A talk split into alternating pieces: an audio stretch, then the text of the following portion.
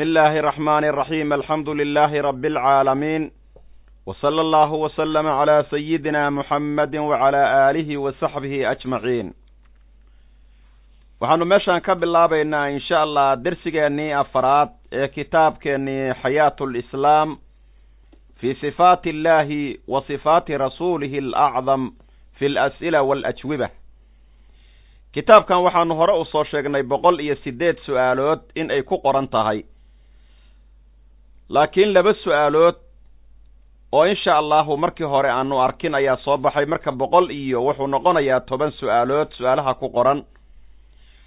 Kitaabkan xayaatulislaamka la yidhaha dersigiisii afaraad ayaanu insha allahu caawa qaadan doonaa.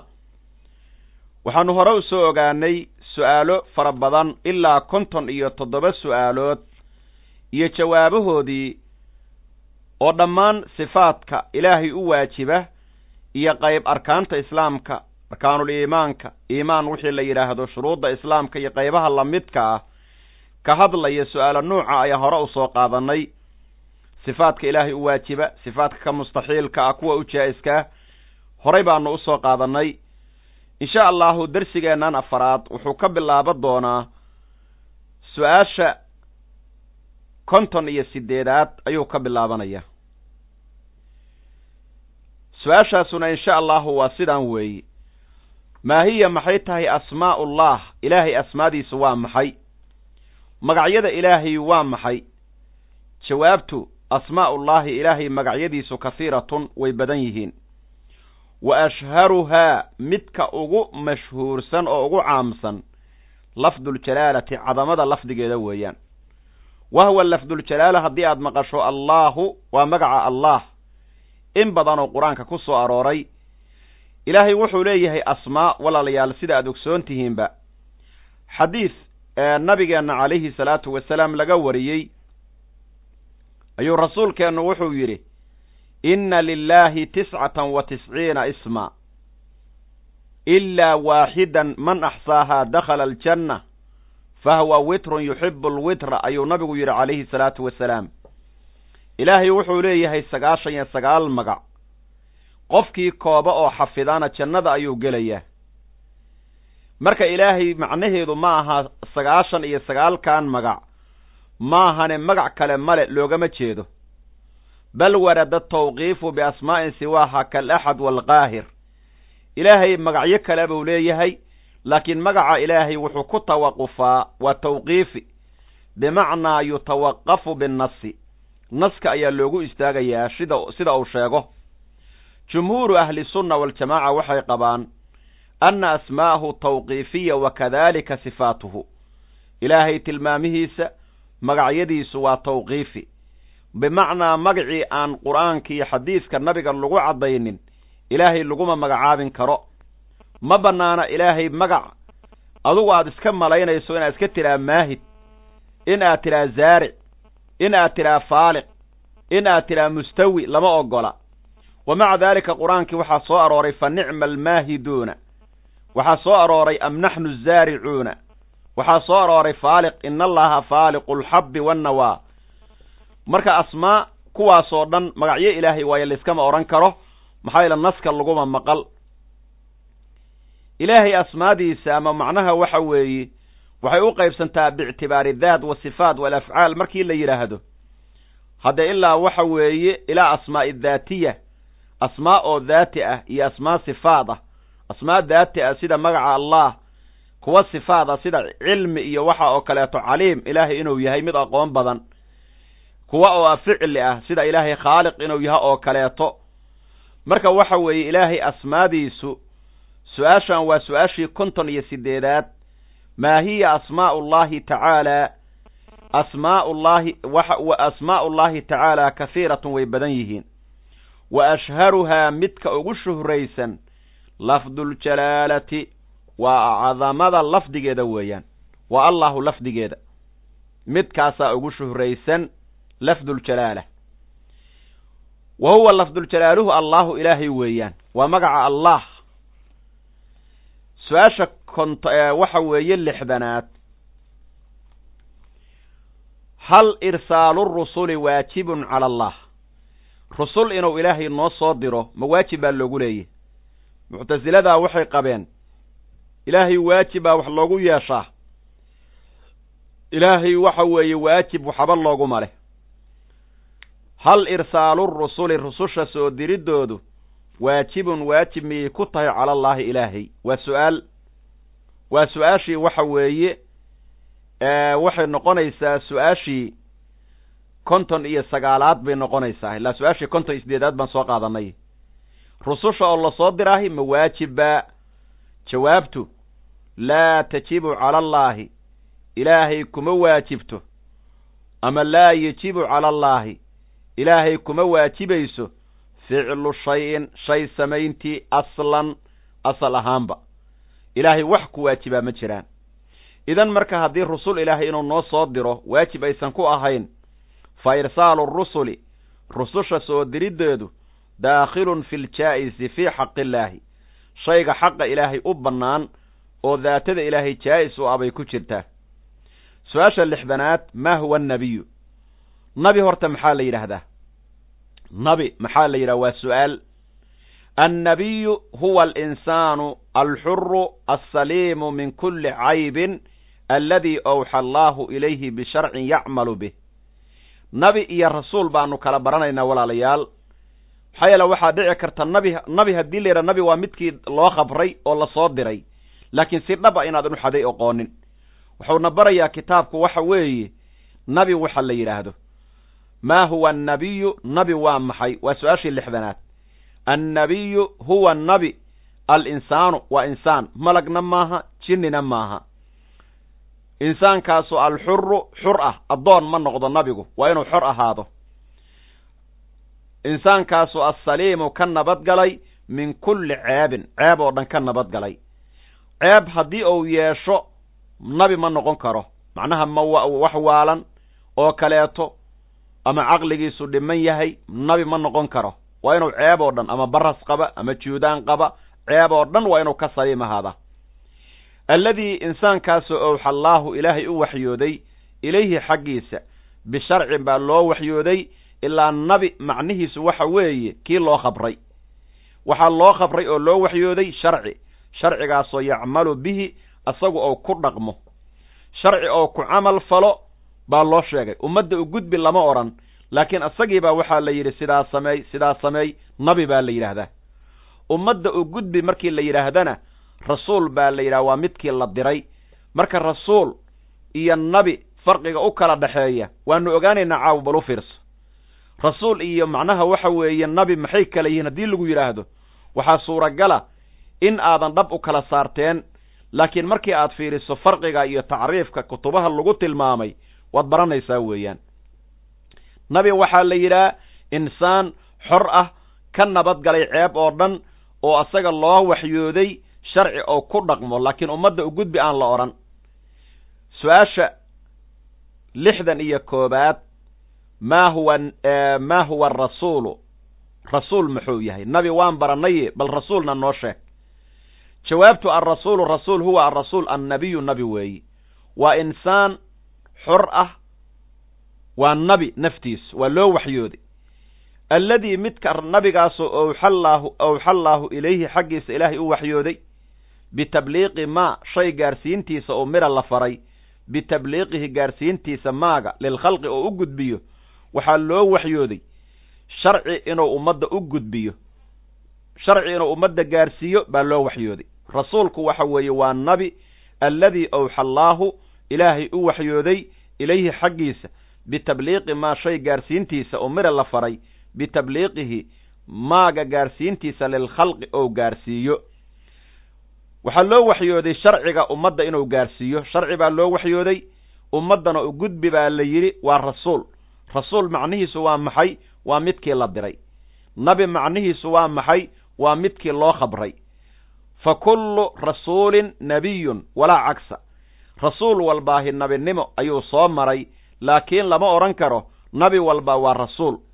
Marka yaa rasuul iyo nabi darajo badan haddii lagu yidhaahdo farasuulu afdalu min annabiy rasuulkaa nabi ka fadli badan lima li'annahu wuxuu sii dheer yahay ummadda u gudbi shaygan ilaahay inuu amray taasuu uga beddelan yahay weeyaan. Alrasuulu huwa asagu annabiyu weeye alladii kaasoo owxa allaahu ilaahay u waxyooday ilayhi xaggiisa bitabliiqi maa shay gaarsiintiisa umira la faray bitabliiqihi in uu u gudbiyo lilkhalqi makhluuqa. Sidaasaa la faray. Su'aasha lixdan iyo labaad baanu gelaynaa. Idan marka rususha yaa ugu horreeyey man awalu rusuli rususha midka ugu horreeye waa kee? Waman aakhiruhum rususha midka ugu dambeeyana waa midkee? Rususha ilaahay soo diray yaa ugu horreeyey rasuulkee ugu horreeyey rasuulkeese ugu dambeeyey. Jawaabtu waxa weeye awaluhum rususha midka ugu horreeya ahi aadamu waa nebi aadam. Abulbashari bini aadamkaoo dhan aabbahood ahaa. Wa aakhiruhum rususha midka ugu dambeeyaana sayidunaa waa sayidkeennii wa nebiyunaa waa nabigeennii. Muxammadun nabi muxammed ahaa sala allaahu allaha u naxariis yaadiyo calayhi nabi muxamed dushiisa wa sallama allaha badbaadiyo nabigaasoo almursalu loo soo diray likaafati alkhalqi khalqiga oo dhan ama makhluuq oo dhan wamaa arsalnaaka ilaa kaafatan linnaasi. Ilaahay baa suuratu saba uga hadloo ummaddoo dhan baa nabiga loo diray calayhi salaatu wasalaam. Jinnigaa loo diray insigaa loo diray xataa naftiisa nabi moxamed isagaa rasuul u ahaa laakiin ambiyadii horeeto nabi walba wuxuu yidhi rasuulku qoomkiisaa si gooniya loogu soo diri jiray. Laakiin aniga waxaa la ii soo bixiyey ummaddoo dhan baa nabi moxamed haddii aan ahay rasuul la iga dhiga buu nabigeennu calayhi salaatu wasalaam. Marka nabigeennu wuxuu yidhi anigu ambiyada kii ugu dambeeye baan ahay walaa nebiya bacdii nabi iga dambeeyaana ma jiro. Nabigeenna nabi ka sii dambeeya ma jiro calayhi salaatu wasalaam. Marka ambiyada kii ugu dambeeye weeye nabigeennu kii ugu horreeyena waa nebiyullaahi aadam. Nabiy nabigeenna markii la yidhi mataa kunta nebiyan goormad nabi ahayd wuxuu yidhi nebi aadam oo dhoobadii laga abuurayay ku dhex sugan ayaa nabi anigu sii ahaa. Nabigeenna marka ruux ruuxdiisa iyo jiriddiisa waxay horay u sii jirdhay ambiyadiioo dhan ayadna intaan la abuurin. Laakiin jismigiisa macnaha markii isaga adduunyada loo soo saaray nabi walboo la soo saarana rasuulkeenna waa lagala sii ballamayey nabiga nuuca ah oo aakhiru zamaanka la soo saa la soo saari doono. Marka ambiyada ilaah oo dhan nabigeenna way yaqiineen. Habeenkii la dheelmiyena kulligood markii baytulmaqdes la tegey ambiyada oo dhan wuxuu yidhi nabi malakul jibriil nabi moxamedow imaam u noqo. Kulligood isagaa ugu dambeeyey nabi moxamed calayhi salaatu wasalaam nabi moxamed baana ugu fadli badan ambiyada oo dhan. Qiyaamada markii la yimaadana nabi walba markii shafaacada la su'aalo wuxuu odhanayaa lastu anigu ma ihi arrintaa ahal mid u ah wara ana waraa'u min waraa. Anigu arrintaas waa ka dambeeyaahoo gadaal baan ka istaagayaa. Ma bilaabayo anigu shafaacada ilaahayna wax su'aali maayo. Utaga nebi hebel utaga nebi hebel ilaa nebi moxamed loo wada yimaado sala allahu calayhi wasalam oo nabigu markaas uu yidhaahdo ana lii ana lii arrintaani aniga ii sugnaatay. Marka nabigeennu waxa weeye wa aakhiruhum jisman wa awaluhum bimacnaah wa aakhiruhum ambiyada kan ugu dambeeya sayidunaa weeyaan wa nebiyunaa nabigeennii weeye muxammedun ahaa sala allahu calayhi wasalam nabigaasoo almursalu loo soo diray likaafati alkhalqi makhluuqa oo dhan loo soo diray. Waxaanu gelaynaa su'aasha lixdan iyo saddexaad kam cadadul ambiyaa ambiyada tiradeedu waa inmis inmisa nabi ayaa jidha. Haddii lagu su'aalo lagu yidhaahdo meeqa nabi ayay ambiyada ilaahay gaarayaan. Maxaad uga jawaabin laheed? Waatan jawaabteedii haddii su'aashaan tartan ahaan laguu su'aalo kitaabkeenna dhan waa su'aal iyo jawaab waa su'aal iyo jawaab. Laga bilaabo meesha ilaa dhammaadka siiraw ku socdaa siiradiibuu ka hadlayaa weliba. Siiradiibuu ka hadlayaa. Sifaadkii ilaahay waa ka gudubnay. Dhammaan waxa weeye ambiyadii nabigeenna si gooni ah uu haddana uga sheekay doonaa kitaabkaani maasha allah. Ambiyada tiradeedu waa in mis laa yaclamu ma oga daalika tiradaa ambiyada ila allahu tacaala. Ilaahay maahane wax kaloo yaqaanaa ma jiraan.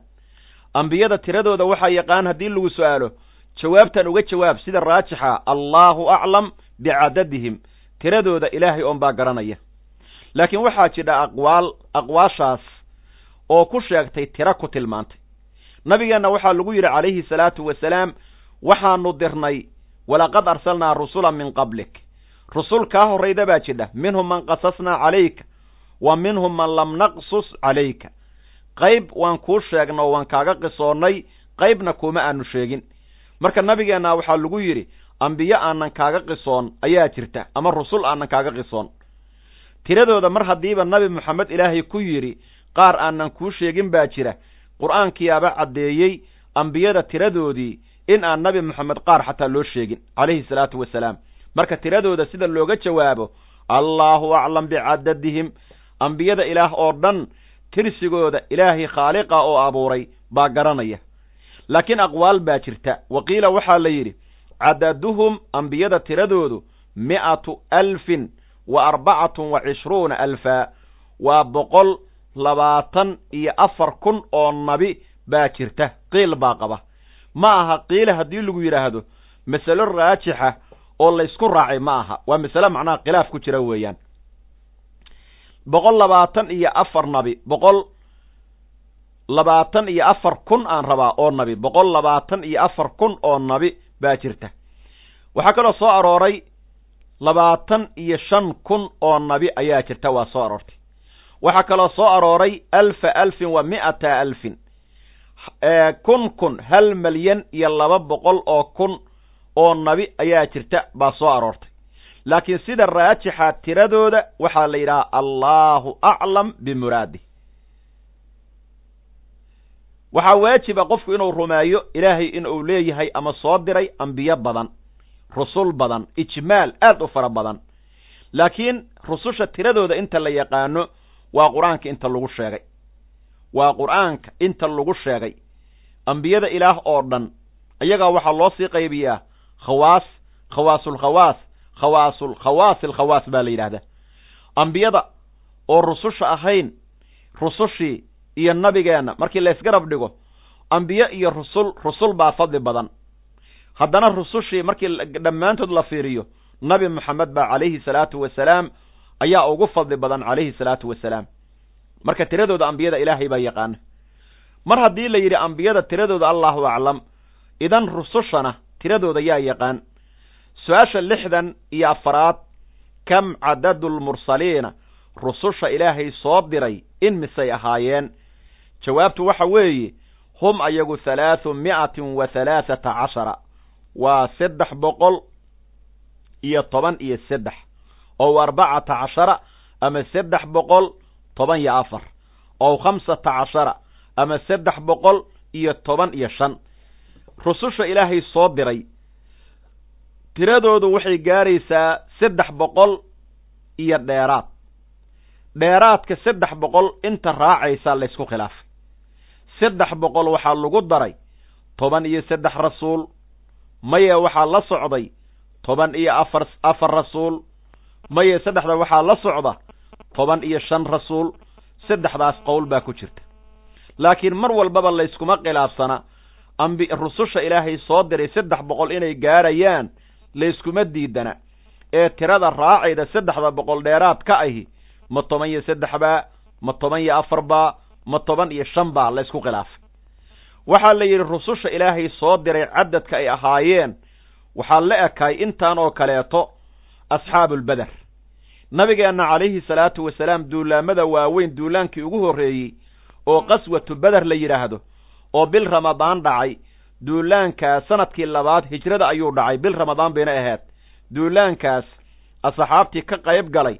Waxay la ekaayeen tirada ambiyada oo kaleeto tirada rususha oo kaleeto. Saddex boqol toban iyo saddex bay iyaguna gaarayeen baa la yidhi. Rususha marka waxa weeye qur'aanka inta lagu tilmaamay badankood waxaa lagu sheegay suuradda la yidhaha suuratul ancaam baa looga sheekeeyey.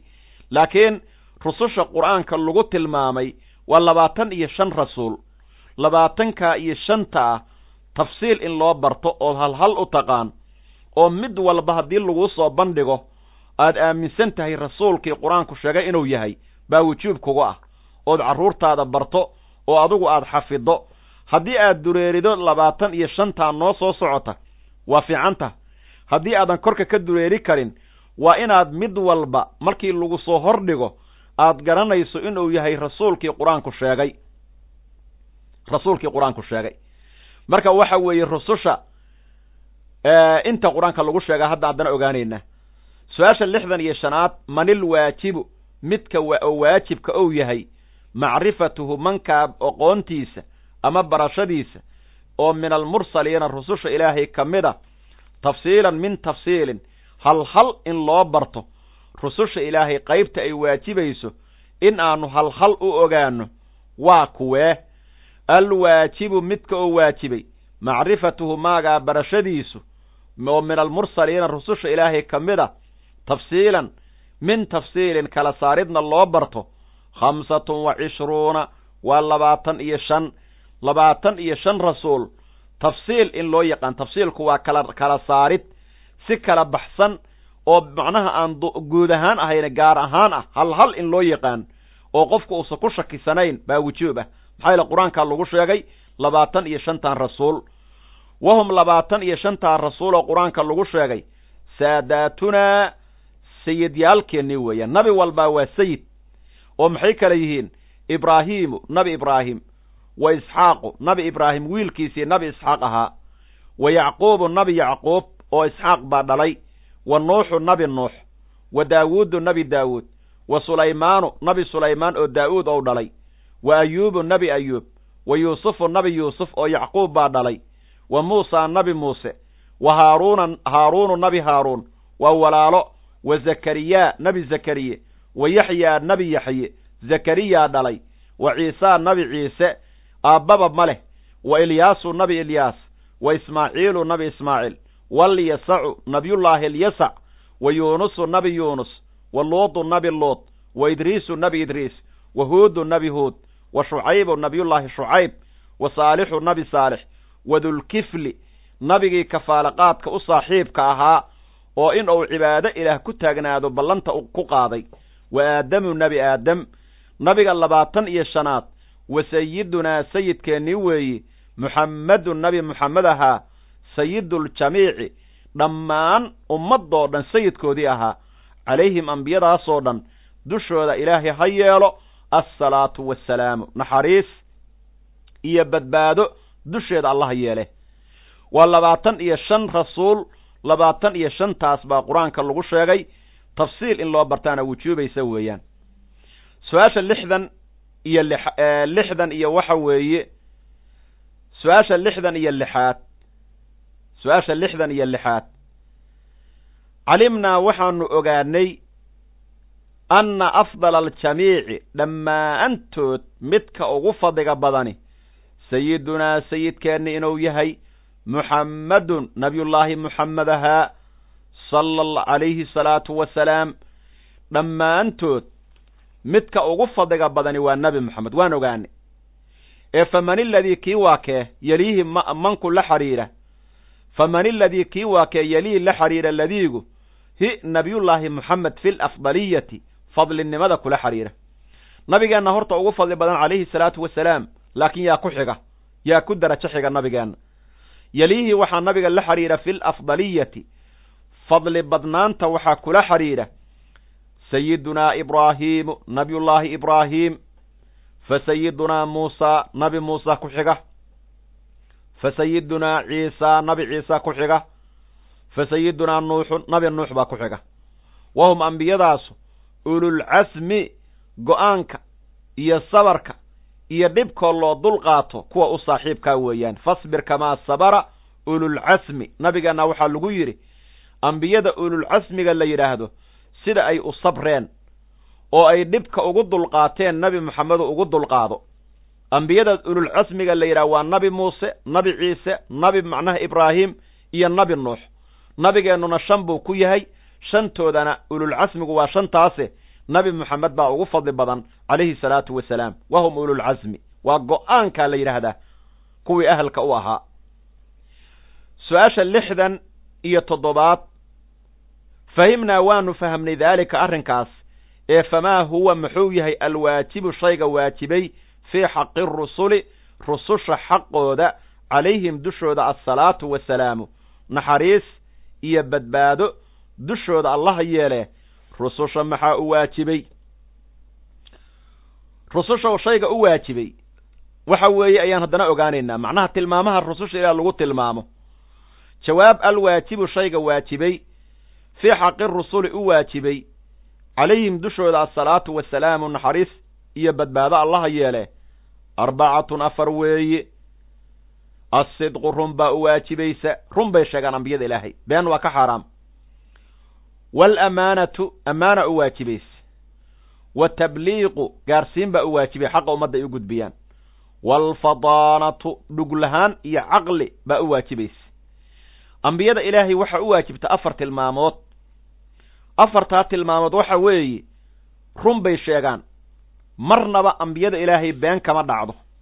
Sida annagoo kaleeto beenu kama dhacdo nabi ambiyada ilaahay nabi ka mid a ama rususha ilaahay. Waxaa kaloo rususha u waajiba wal amaana. Ammaano shayga ilaahay u soo dhiibay marnaba kalama khiyaanayaan. Khiyaana kama dhacdo ambiyada ilaahay. Maxaa yeele ilaahay qof khiyaano ka dhacdo waxyi uma soo dhiibteen mana dheheen ummadda u gudbi. Tilmaanta afaraad ay leeyihiin wa tabliiq tabliiqa waxa weeye ambiyada ilaah baa iska leh gaarsiin oo ummadda dacwada soo gaarsiiya. Macnaha waxa weeye culummadu waxay leeyihiin magaca la yidhaha culamo waxay leeyihiin muxadisiin waxay leeyihiin mufasiriin waxaa jira talaamiid waxaa jira fuqahaa. Magacyadan dadka diinta ilaahay lagu qaato qofku marku gaadho way jiraan laakiin sifada la yidhaha tabliiq iyo waxa weeye sidqi iyo ammaano iyo fadaana waxaa iskale ambiyada ilaahay. Marka in lagu yidhaha tilmaantanba adigaa qaadanaysid oo ma nabi baa tahay ambiyada ilaah baa tabliiq iskale gaarsiin oo dadka tawxiidka soo gaarsiiday. Qofkii marka waxa weeye ambiyada jidkoodii qaada wuxuu noqonayaa daaci oo markaa ummaddii xaqa ugu yeeraya marka ilaaha naga dhigo kuwa ducaadda ah oo ummadda xaqa ugu yeera oo ummadda cilmiga bara oo qur'aanka xafidsiiya ayaguna ku camal fala diintana ummadda ugu yeeraya dacwada xaqiiqada ah ilaaha nagu daro. Alsidqu waalamaanatu waatabliiqu waxaa u waajibaya run iyo ammaano iyo watabliiqu gaarsiin. Waalfadaanatu dhugbadi dad dhug lahoo caqlila inay yihiin weeyaan. Fadaanadu waa ruux. Macnaha waxa weeye aad u caqli badan oo aad waxa weeye u ah caaqil u ahoo wax walba hore ka fahmaaye. Su'aasha lixdan iyo waxa weeye su'aasha lixdan iyo sideedaad. Maa macna sidqi runta macnaheedu waa maxay? Maa macna sidqi runta macnaheedu waa maxay? Macnaahu sidqiga ambiyada u waajibay macnihiisu waxa weeye annahum ayagu laa yakdibuuna been sheegi maayaan ambiyadu. Fii jamiici aqwaalihim aqwaashoodoo dhan been ku sheegi maayaan. Marna qowlka qowlka ay ku hadlaano been ma noqdo been marna ma sheegaan been ma sheegayaal weeyaan. Been been macnaha waxa weeye been maba sheegaanba. Run oon bay sheegaan ambiyada ilaahay. Su'aasha lixdan iyo sagaalaad ma daliilu calaa sidqihim? Runtooda maxaa u daliila? Addaliilu calaa daalika arrinkaa waxaa u daliila? Almucjizatu. Ambiyada ilaah run inay sheegaan waxaa u daliila? Mucjizada ilaahay siiyey. Mucjizadu waa amar oo khaariqulcaado ah oo wax cajiib ahoo la yaab lahoo ambiyadu ka dhaco weeye wadaalika mithlu ixyaa'i ilmowtaa dadka dhintoo la soo nooleeyo. Sidii nabiyullaahi ciisa dadka dhintaba inta ilaahay u bari iska soo noolaanaya inta ilaahay u bariyo. Ilaaha xaqiiqada nooleeyey. Laakiin nabigan baa ilaahay ku karaamaynaya mucjisay u tahay. Wa ibraa'i wa ibraa'i alakmahi midka indhahala oo abraha la yidhaahdo oo la bogsiiyo inta gacanta sida indhaha looga mariyo buu indha yeelanayaa. Wal abrasi qofka baraska qaba oo la daaweeyo weeye. Wa nabcil maa'i biyo oo soo burqada weeye mucjisadu min bayni alasaabici faraha dhexdooda ka soo burqada. Nabigeenna weel yar inta biyihii asxaabtu biyo waayeen baa nabigeenna biyo yaroo weel ku jira loo keenay. Gacantuu saa u dhex geliyey. Farihiisay biyihii ka dhex baxayaan ka burqanayaan biyo il biyo ka burqanayaan camal oo kaleeto. Markaasuu nabigu yidhi haye nin walbaa weelkow ha ku wees halkaa ha ka qaato biyaho biyuhu ku weese qaato oo cabo weelasha ha laga dhaansado. Marka waa biyo fariga far faraha nabiga dhexdooda calayhi salaatu wasalaam ka soo butaacaya o ka soo burqanaya. Waa mucjizooyin waxaa oo dhami. Ambiyadu ilaahay siiyey. Nebiyullaahi muusa mucjisadii la siiyey. Nebiyullaahi ciisa midii la siiyey. Nabiyullaahi saalix oo kaleeto hashii dhagaxa macnaha ka soo dhex baxayday waa mucjisooyin waa ashyaa la yaab leh. Maxaa yeelay liannahum ambiyadu low lam yakuunuu haddaysan ahaan lahayn saadiqiina kuwa run sheegaya lakaanuu waxay ahaan lahaayeen kaadibiina kuwa been sheegaya beenna ma sheegaan. Walow kaanuu hadday ahaan lahaayeen kaadibiina kuwa been sheegana maba ahee lam yakhluq lam lam lam yakhluq illaahu ilaahay uma abuureen lahum ayaga almucjisata ilaahay mucjiso ma siiyeen. Mucjisadaasoo annaasilata u taagan oo degaysa mansilata qowlihi subxaanahu wa tacaala. Ilaahay qowlkiisu meeshuu degi lahaa ama ou taagnaan lahay bay mucjisadu joogtaa. Subxaanahu wa tacaalaa ou ku qowlo lacalla sadaqa cabdii addoonkaygu run buu ku sheegay fii kulli maa shay dhammaantii yuballiqu cannii xaggayga oo ummadda ka soo gaarsiiyo run buu ku sheegay. Tusaale ahaan markii ambiyada la xujeeyo oo la yidhaahdo inaad run sheegaysin maxaa u daliila? Haddii ilaah hadli lahaa oo dhihin lahay sadaqa cabdii fii kulli maa yuballiqu cannii maxay noqon laheed addoonkaygu run buu ku sheegay wax kastoo xaggayga uu ka soo gaarsiiyo hadduu dhihi lahaay macnaheedu maxay noqon laheed? Daliil cad iyo xujo cad oo ilaahay subxaanahu wa tacaalaa oo markaa uga mara kacay ambiyada runnimadooda. Hadalkaas booskiisa waxaa taagan ooba jooga mucjisada. Mucjisadu waxay taagan tahay almucjisa annaasilata mansilata qowlihi subxaanahu wa tacaala. Markii la xujeeyo ambiyada oo la yidhaahdo haddii aad run sheegaydo la imaad dhagaxaas masalanba ilaahay bari. Hal rimay ah oo hadda dhalaysa fool ah ilaaha ka keeno haddaad run sheegaydo dhagaxii baa inta kala jiidmo ayaa hal ka soo baxaysa. Maxay marka macnaheedu ka dhigan tahay? Ilaahay oo odhanayo oo kale war addoonkaygu run buu sheegayaa waxa xaggeega uu ka keenaye ha la raaco. Mucjisadu marka sideedaba waa marakac oo aan nabiga waxaa looga marakacayaa hadalka uu la yimidu in uusan been ahayn. Haddii marka waxa weeye ay been sheegi lahaayeen ilaahay ambiyada mucjisaba ma siiyeen. Wa kadaalika alkaraama karaamaduna waa la mid. Dadka ilaahay karaameeyo karaamadooda soo daahirayda waxay markhaati fur u tahay. Addoonkaanu inuu ku taagan yahay waddadii ilaahay iyo waddadii nebi moxamed sala allahu calayhi wasalam maxaa yeelay haddii uusan waxa weeye addoonkaani dhabnimo ugu taagnaan lahayn waddadaa karaamo ma uusan heleen. Su'aasha waxaan gelaynaa haddana toddobaatanaad. Maa macna alamaana? Ammaanada macnaheedu waa maxay ilaa ammaanay ambiyadu leeyihiin baa waa aamin baa la yidhi macna macnaha ammaanada macnaheedu waxa weeye anna allaha ilaahay xafida wuxuu xafiday dawaahirahum daahiryaalkooda wa bawaadinahum baadiyaalkooda walow fii xaali siqari xataa markay yaraayeen allah ka dhige min atalabusi gudagal bimanhiyin canhu shay layska reebay inay gudagalaan oo shareecadu ay diidday wax shareecadu diidday ambiyada inay ka dhacdo daahirkooda iyo baadinkoodaba ilaahay baa ka xafiday. Annabiyu maxfuudun annabiyu macsuumun waalweliyu maxfuudun baa la yidhaahdaa. Owliyadu macsuum maaha ee waa maxfuudiin ilaahay baa dhowra iyaga naftooda. Laakiin ambiyadu waxa macsuumiinoo dembiba kama dhaco ilaahay baaba ka dhowray oo ka xafidaya daahirkooda iyo baadinkooda xataa markii ay yaraayeen qabla annubuwa wa bacdaha nabinimada iyo horteed iyo gadaalkeedba ambiyada ilaahay kama dhaco shay ilaahay ka reebay aslanba ma gudagelayaan. Kama soo fulayo waxaan ilaahay bannaynin. Marka ammaano ayay leeyihiin waxaa looga jeedaa marnaba ilaahay waxa weeye xara ou ka reebay ku xadgudbi maayaan.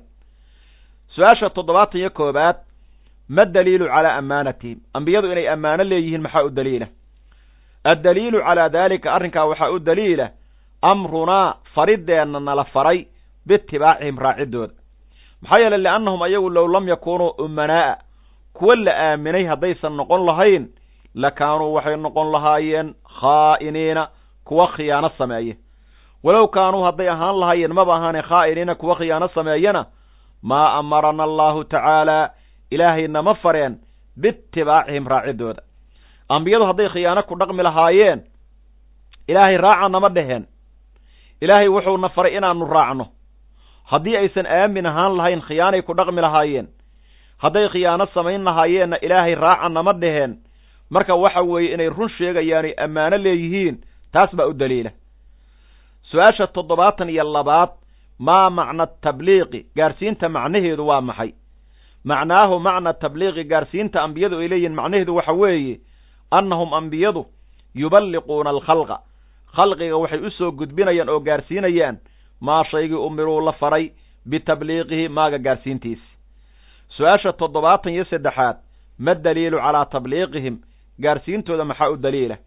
Addaliilu calaa daalika arrinkaas waxaa u daliila oo in ambiyadu ummadda xaqa ay u soo gudbiyaan oo dadka ay xaqa soo gaarsiinayaan waxaa u daliila amrunaa fariddeenna nala amray biitibaacihim ambiyada raaciddooda ilaahay baa nagu amray inaannu raacno li'annahum ambiyadu low lam yakuunuu haddii aysan ahaan lahayn waaba yihiine muballiqiina kuwa ummadda xaqa soo gaarsiiya lakaanuu waxay noqon lahaayeen kaatimiina kuwa xaqa qariya walow kaanuu hadday noqon lahaayeen maba ahee kaatimiina kuwa xaqa qariyana lamaa amarana allaahu tacaalaa ilaahay nama fareen biitibaacihim raaciddooda ilaahay raaca oo kudayda nama nama dheheen weeyaan.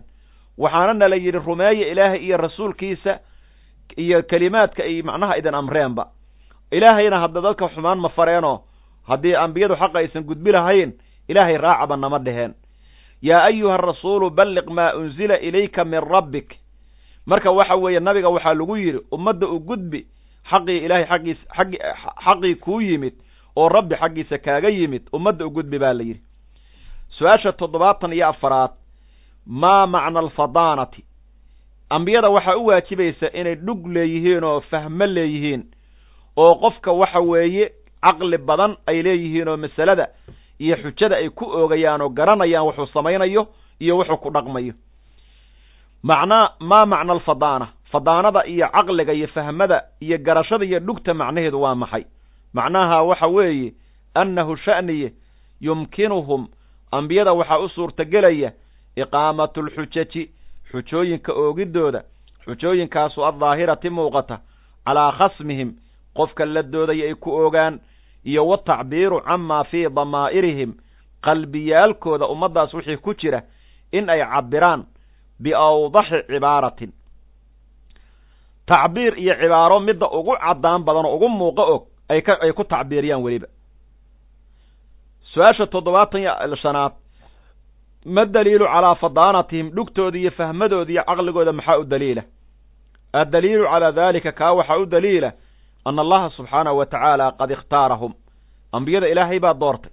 Lihaada almansibi darajadaas buu u doortay ashariifi wanaagsan. Walaa yakhtaaru allahu tacaala ilaahay ma doorto. Ilaa man ruux maahane kaana ahaaday fadinan mid dhug badan nebiihan ee caqli badan. Qofaan caaqil ahayn oo aan dhug lahayn oon fahmo lahayn ilaahay ma doorto ilaahay baan ambiyada ilaahay doortay. Su'aasha toddobaatan iyo lixaad maa huwa almustaxiilu? Shayga mustaxiilka ka ahoo xaaraamka ah. Fii xaqi rusuli rususha xaqooda calayhim dushooda assalaatu wasalaamu allaha yeelay waa maxay?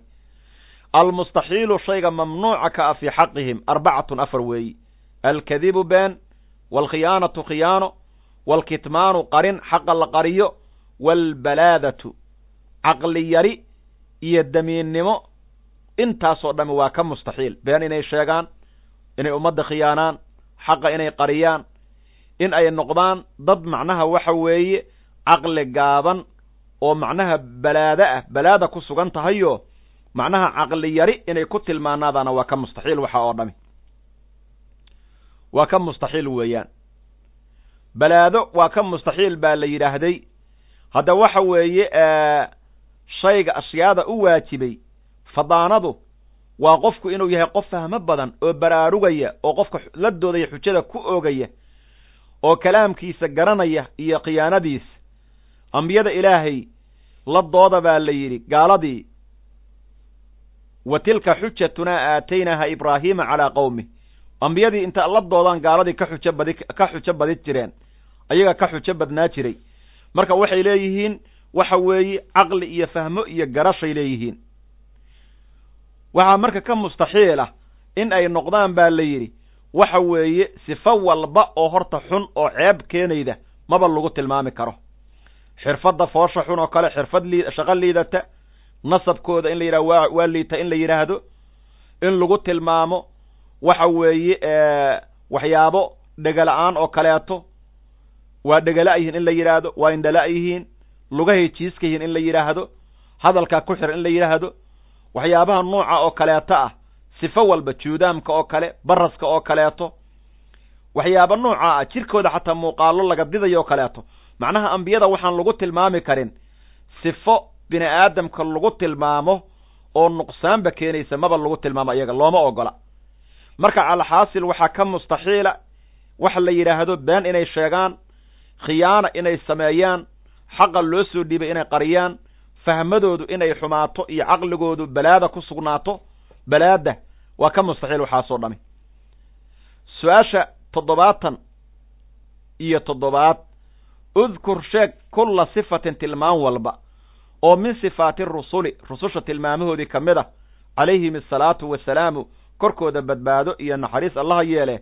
Walxaal bijaanibahaa dhinac dhinaceedana. Didduhaa su'aashaaskii ka soo horjeeda oo ahaaday ambiyada waxaa u waajibaysay sidaan soo marnaba asidqu run. Didduhu sidqigana waxaa ka soo horjeeda. Alkadibu been waa ka mustaxiil beeni. Waalamaanatu baa u waajibaysa didduhaa waxaana ka soo horjeeda. Alkhiyaanatu khiyaano wa tabliiqu xaqa ummadda inay u gudbiyaan baa u waajibaysa didduhu watabliiqu xaqa inay gaarsiiyaan ummadda u waajibaysa didduhu gaarsiinta waxa ka soo horjeedaana alkitmaanu qarin weeyi waalfadaanatu dhugbadi iyo fahmiya garashu iyo caqli baa u waajibaya. Didduhaa waxaana ka soo horjeeda fadaanada albalaadatu balaadada caqli darrida. Su'aasha toddobaatan iyo waxa weeye sideedaad maa huwa aljaa'isu fii xaqi rusuli shayga u bannaan rususha ilaahay calayhim asalaatu wasalaamu waa maxay? Aljaa'isu shayga u bannaan fii xaqi rusuli calayhim dushooda asalaatu wasalaamu allaha yeelo badbaado iyo naxariise kullu wasfin tilmaan kulligeed weeyi. Tilmaantaasoo bashariyin bini aadam loo nisbeeyey. Tilmaantaasoo laa yu-addii aan gaarsiinayn ilaa naqsin nuqsaan iyo dhibaato fii maraatibihim darajooyinkoodii alcaliyati sarrayday waa tilmaan walba oo derajadooda sare aan ceeb u keeni karin. Maxaa ka mid a tilmaanta aan ceeb u keenayn oo bini aadamka dhan lagu tilmaamo? Oo insiga ay kala mid yihiin mithlu alakli waalshurbi waalsafari waalmaradi alkhafiifi waatasawuji waalbayci waalshiraa'i waalnawmi kulli bini aadamkay kala mid yihiin waxaa oo dhan. Dhibna u keeni mayso waana ku bannaanta. Mithlu alakli cunid oo kale waxbay cunaan ambiyadu ma aha sida malaa'igtoo kaleeto malaa'igtu wax ma cunaan laakiin ambiyadu wax waa cunaan. Wa shurbi cabid wax way cabaan. Bini aadamkay kala mid yihiin sidaa wax loo cabay wax u cabaan wasafari safarka sida loo safray u safraan. Waalmaradi alkhafiifi jirada fudud. Nabigeenna xanuun baa qabanayay isagoo jiran wakhtiga uu geeriyoonayay waa xanuunsanaa. Laakiin maradkaasu waa marad khafiifa waxaa looga jeedaa jirooyinka ceeb keena macnaha waxa weeye nuqsaan keenaya maahanoo lama dhihi karo barasaa ku dhacay. Wow googo-ay qofkii oo dhan nuucaasuu noqday. Nabiyullaahi ayuub oo kaleeto tixire baa jirkiisa ku dhashay lama odhan karo lama odhan karo taasoo kaleeto. Waxaa la yidhaha waa qisooyin aan sugnayn weeyaan. Xanuun wow qabtay aad u fara badan laakiin tirxibaa macnaha markii dambe galayo nuucaasuu noqdayo dadkiia ka kala cararay in la yidhaahdo oo nuucaa waa qiso sugan maahan baa la yidhi. Maxaa yeele waa sifo aan la ogolayn oo nuqsaan keenaysa oon ambiyada lagu tilmaamin nebi ayuubna ambiyadu ka mid yahay. Waalmaradi alkhafiif waatasawuji guursi. Ambiyadu way guursadaan sida loo guursado bay u guursadaan. Guur bay sameeyaan maxaa yeele waxa weeye waa bini aadam way guursadaan. Guur baa ka ka dhaca. Nabigeenna calayhi salaatu wasalaam gaaladii markii ku ceebayday oo dhaheen maxay tahay nabigan iska guursanaya oo maalinba oon gabar guursanaya waxaa la yidhi nabi walba oon soo dirno waxaan u yeelnay dumar iyo carruur wouna guurso jira weeyaan. Marka guurku kama bilaaban nabi moxamed sala allahu calayhi wasalam ee horayba u soo jiri jiray. Waxaa kaloo ambiyada ku bannaan walbayci baa macnaha la yidhaahdaa beec waa tilmaan u bannaan. Beecuna waa tilmaan jaa'is u ah. Wa shiraa beecu waxa weeye iyagu inay wax iibiyaan. Wa shiraa inay wax soo iibsadaan dhammaantood waa tilmaan ku bannaan su'aasha toddobaatan iyo sagaalaad ma daliilu calaa dalik tilmaantan ambiyada inay jaa'is u tahay maxaa u daliila maxaa u daliila tilmaantaani inay ambiyada jaa'is ku tahay addaliilu calaa daalika arrinkaas waxaa daliil u ah almushaahadatu arkidda lianna man qofkii xadarahum xaadira oo wakhtigoodii jooga shaahada daalika arrintan buu arkayaa waman lam yaxdurhum qofkii aan xaadirin oon ambiyada wakhtigoodii jooginna balaqahu waxaa soo gaaraya alkhabaru khabarkii almutawaatiru ee xiriirka ahay weeyaan. Wakhtigoodii ambiyada qofkii aan joogin waxaa soo gaaraya khabarka xiriirka ah. Khabar mutawaatira waa hadalka la soo kala qaado oo qoloba qolo ka soo guuriso hadalkaas baa qofka soo gaaraya aan wakhtigoodii joogin. Laakiin qofkii wakhtigoodii joogay waxa weeye arrintaas buu arkaya iyagoo wax cunaya iyagoo wax cabaya wuu arkayaa qofkii aan jooginna waxaa soo gaaraya khabarka mutawaatirka oo xiriirka ah baa soo gaaraya weeye waxaanu gelaynaa marka su'aasha siddeetanaad. Maa macnaa laa ilaaha ila allaahu laa ilaaha ila allaahu macnaheedu waa maxay?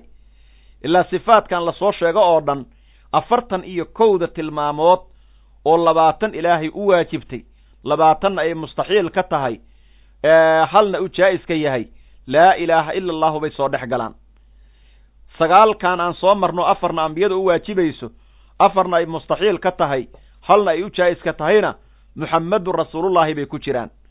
Waanu arki doonnaa insha allah jawharaha markii kitaabka la ilaa aan gaarno waxaa noo imaan doona bayd odhanaya ama shicir wa jaamicu macna aladii taqarara shahaadata alislaami fadraxi ilmira.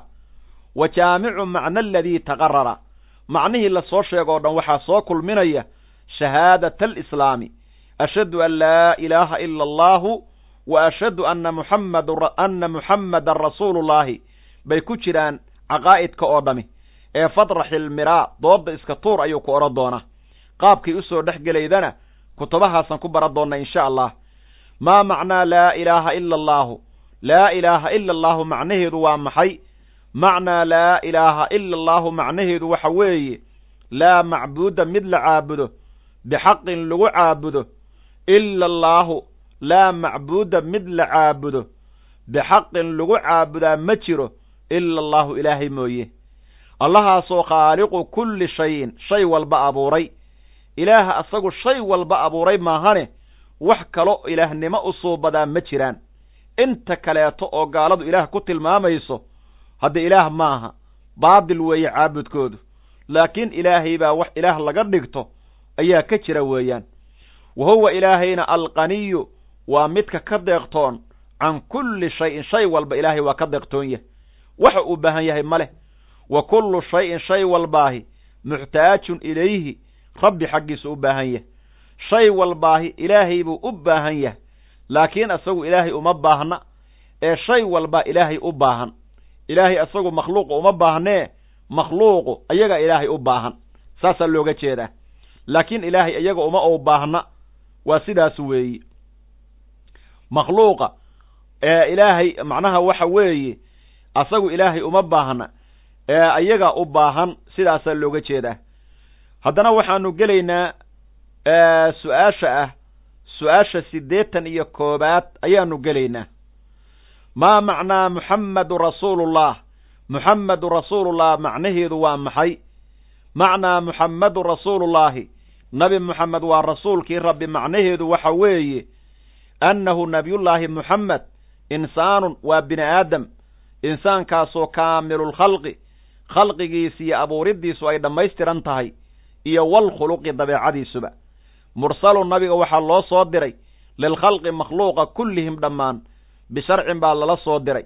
Sharcigaasoo naasikhin tirtiraya oo nasakaya lijamiici sharaa'ici sharciyaalkii ka horreeya oo dhan falaa nebiya nebi ma jiro bacdahu nebi moxamed bacdigii abadan weligiiba nabi kaloo ka dambeeya oo nebi moxamed dabadi iman doonaa ma jiro marka nebi moxamed calayhi salaatu wasalaam sidaas lagu tilmaamo weeye rasuulkeennu halkaa marka waxa weeye waxaa noogu soo dhammaaday kontonkii tilmaamood oo labaatanna ilaahay u waajibaysay labaatanna ilaahay bay mustaxiil ka aheed halna waa u jaa'is waa afartan iyo kow iyo afar rususha u waajibtay afarna waa ka mustaxiil halna waa u jaa'is konton bay isku noqonayaan halkaabay noogu dhammaadeen. Hadda rususha waxa weeye ilaahay ilaahay baa soo diray mucjizo iyo waxa weeye aayaad iyo dalaa'il iyo baraahiin ayuu ilaahay ku quweeyey mar kastaba run bay sheegayaan. Nabi moxamed baa loo dabamariyey calayhi salaatu wasalaam oo ugu dambeeyey. Nabi moxamed waa nabiga ilaahay waa midkuu ilaahay doortay waa imaamulmursaliin rususha dhan imaamkoodii weeyi wa khaatimunnebiyiin waa nebiyaasha midkii lagu khatimay. Wa rasuulu rabbi alcaalamiin waa makhluuqa oo dhan rabbigoodii rasuulkuu soo diray. Imaamulhudaa wa nebiyu nuur. Waa hanuunka oo dhan imaamkoodii. Wa nebiyul waraa makhluuqa nabigoodii weeye nabi moxamed waalmunqidu min alxiirati waaradaa dadka midka halaaga ka badbaadiya weeye ayadoo halaag iyo dhibaato lagu jiro nabigeennaa naga saaray calayhi salaatu wasalaam. Nebiyi raxma wa kaashifi alqumma dadka midka mugdiga ka fayda weeye raxmadda nabigeedii weeye waa nabigii raxmadda calayhi salaatu wasalaam. Waa nabiga shafaacada qiyaamada loo loo hoos imaan doono oo nabi walbaaba calankiisa iyo ummadoo dhan ay wada imaan doonto.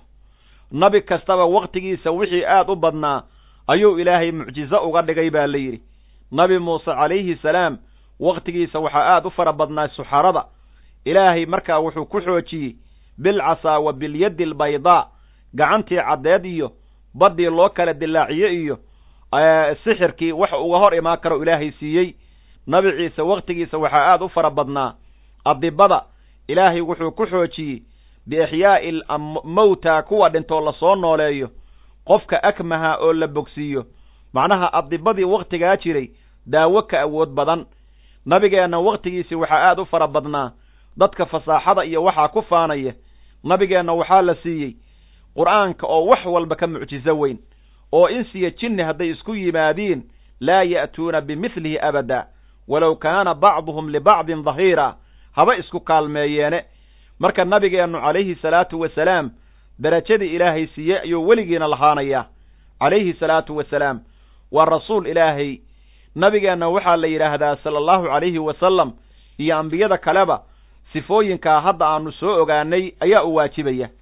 Waxaanu haddana u gudbaynaa su'aashii taa la xiriirtay oo ku sii xigta weeye nabigeenna calayhi salaatu wasalaam waanu ogaanay macnaa muxamedun rasuulullah waan ogaanay. Waxaan gelaynaa su'aasha ah su'aashii siddeetan iyo labaad. Udkur noo sheeg lana annaga siirata annabiyi siiradii nabigaa noo bilaabanaysa calayhi salaatu wasalaam. Siirata annabiyi nabiga siiradiisii noo sheeg sala allahu calayhi wasalam. Muxamedin ahaa calayhi salaatu wasalaam mujmalatan xaalay tahay mid la soo koobay oo la duuduubay siiradii nabigoo kooban. Wulida annabiyu nabiga waxaa lagu dhalay calayhi salaatu wasalaam bimakkata almukarama makaa nabigeenna lagu dhalay. Wa radaca nabigu wuxuu ka nuugay fii bani sacdin reer bani sacad. Qolada reer banu sacad la yidhaahdo ayuu nabigeennu calayhi salaatu wasalaam ayaa nuujiyey. Nabigeennu maku ku dhashay reer bani sacad buuna ka nuugay. Kow marka hore nabiga waxaa nuujiyey hooyadii dhowr maalmood. Kabacdi waxaa nuujiyey gabar la yidhaha huwayb huwaybat alaslamiya oo abu abulahab addoon u aheed oo kabacdi xoray doono. Kabacdi waxaa soo gashay xaliima sacdiya xaliima sacdiya xaliima waxaa la yidhaahdaa xaliima bintu abi dhu'ayb xaliima bintu abi dhu'ayb aabbaheed cabdullaahi ibnu alxaras baa la yidhaahdaa. Sacdiya marka la leeyahay waa qolada ay ka dhalatay oo qabiiladii ay ka dhalata weeyi. Xaliima sacdiya nabiga nuujisay wa makasa nabigu wuxuu ku nagaaday calayhi salaatu wasalaam cindahaa xaliima sacdiya agteeda arbacata acwaamin afar sano baa nabiga calayhi salaatu wasalaam oo halkaa joogay afar sano ayuu xaliima sacdiya la joogay nabigeennu calayhi salaatu wasalaam. Uma raddadhu nabiga waxay u soo celiday ilaa ummihi hooyadii. Markii afartii sano dhammaatay nabiga hooyadiisay u soo celisay. Fa xadanadhu hooyadiisaa nabiga xanaanaysay ilaa an tuwafiyat ilaa ay ka geeriyooto oo ka dhimato. Wal xaal bay nabiga hooyadii dhimatay ibnu sitti siniina lix jir nabigu ou yahay. Nabi moxamed oo lix sana jira ay hooyadii dhimatay aabbihiina isagoo uurka ku jira ayuu geeriyooday. Fa kafalahu nabiga waxaa kafaalo qaaday oo la wareegay mas'uuliyaddiisa markii hooyadii dhimatay ka bacdi. Jadduhu awowgiisii cabdulmudalib ahaa.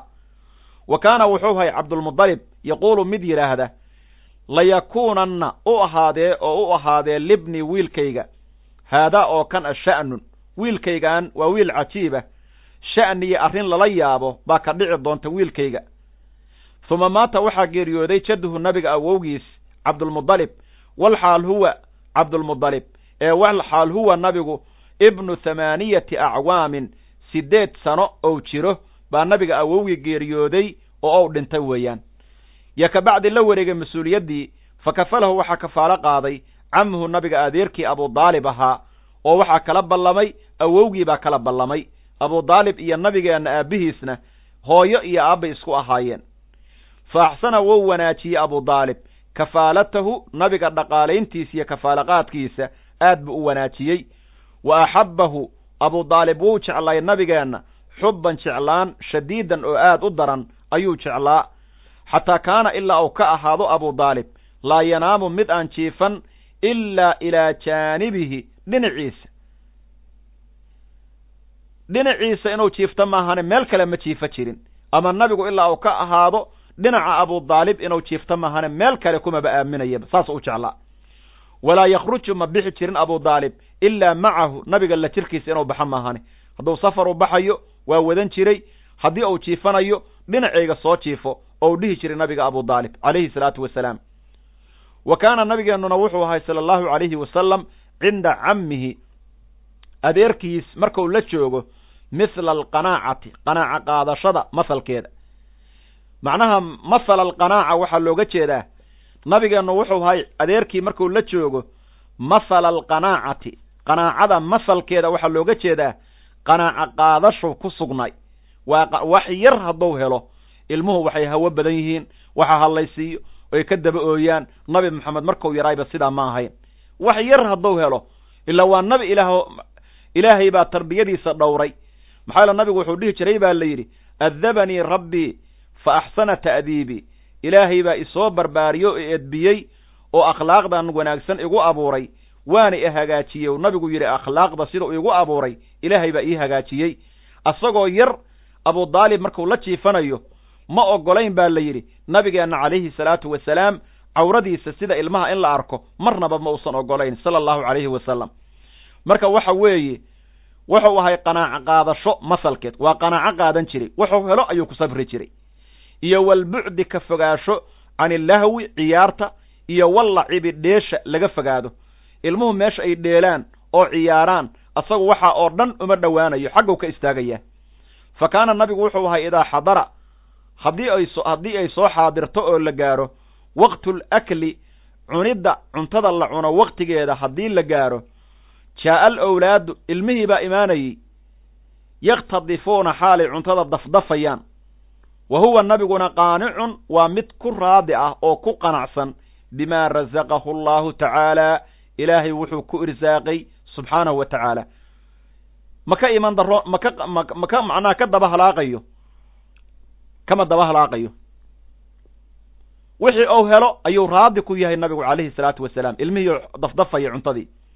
Wa kaana nabigeennu wuxuu ahay sala allahu calayhi wasalam axsana qowmihi qoomkiisa midka ugu wanaagsan buu ahaa qoomkiisa midka ugu wanaagsan ayuu nabigu ahaa khuluqan xagga dabeecada wa asdaqahum qoomkiisa midka ugu run sheeg badan xadiisan min xadiisin xagga waxa weeye sheekada. Wa acdamahum qoomkiisa midka ugu weyn buu ahaa ammaanatan min ammaana xagga ammaanada wa abcadahum qoomkiisa midka ugu fogaanta badan buu ahaa can ilfuxshi xumaanta iyo wal akhlaaqi dabeecooyinka allatii dabeecooyinkaasoo tudannisu rijaala ragga wasaqayda waa ka fogaan jiray nabigeennu xataa kaana ilaa uu ka ahaado afdala qowmihi qoomkiisa midka ugu fadliga badan muru'atan min muru'a xagga sharafta wa akramahum qoomkiisa midka ugu karaamada badan mukhaaladatan min mukhaalada xagga wax ku darsiga wa khayrahum qoomkiisa midka ugu khayrka badan jiwaaran xagga la dersidda wa acdamahum qoomkiisa midka ugu weyn buu ahaa xilman xagga dulqaadka falidaa sidaa daraaddeed baa sammawhu ay waxay ku magacaabi jireen carabtu nabi moxamed bilamiini wiilkii la aaminay ayba ku magacaabi jireen. Marka nabigeenu moxamedulamiin buu ahaa isagoo yar baa midkii la aaminay loo yaqiinay. Su'aashan aan ku jirno oo ah su'aashii siddeetan iyo labaad siiradii rasuulka calayhi salaatu wasalaam baa nooga bilaabatay. Siirada nabigana kitaabkaani si fiican buu uga hadlaa welina su'aashan ayaa noo socota oo ka sheekaynaysa nabi moxamed calayhi salaatu wasalaam siiradiisa darsigeenna afaraadna caaw intaasaan ku soo koobaynaa. Ilaahay ha nagu anfaco kuwa xafida siirada nabiga calayhi salaatu wasalaam ku dayda akhlaaqda nabi moxamed qiyaamadana lagu irsaaqo shafaacadiisa ilaahay ha nagu daro oo nabiga xubbigiisa calayhi salaatu wasalaam ilaahay ku irsaaqo barakadiisa ilaahay ku irsaaqo jacaylkiisa ilaahay ku irsaaqo kudayashadiisana ilaahay ku hanuuniyo dersigeenna afaraad ee kitaabkeennii xayaatu lislaam fi alas'ila waalajwiba oo su'aalaha iyo jawaabaha ka hadlayey intaasaan caawa ku soo koobaynaa. Wallahu waliyu tawfiiq wassalaamu calaykum waraxmat ullaahi wa barakaatu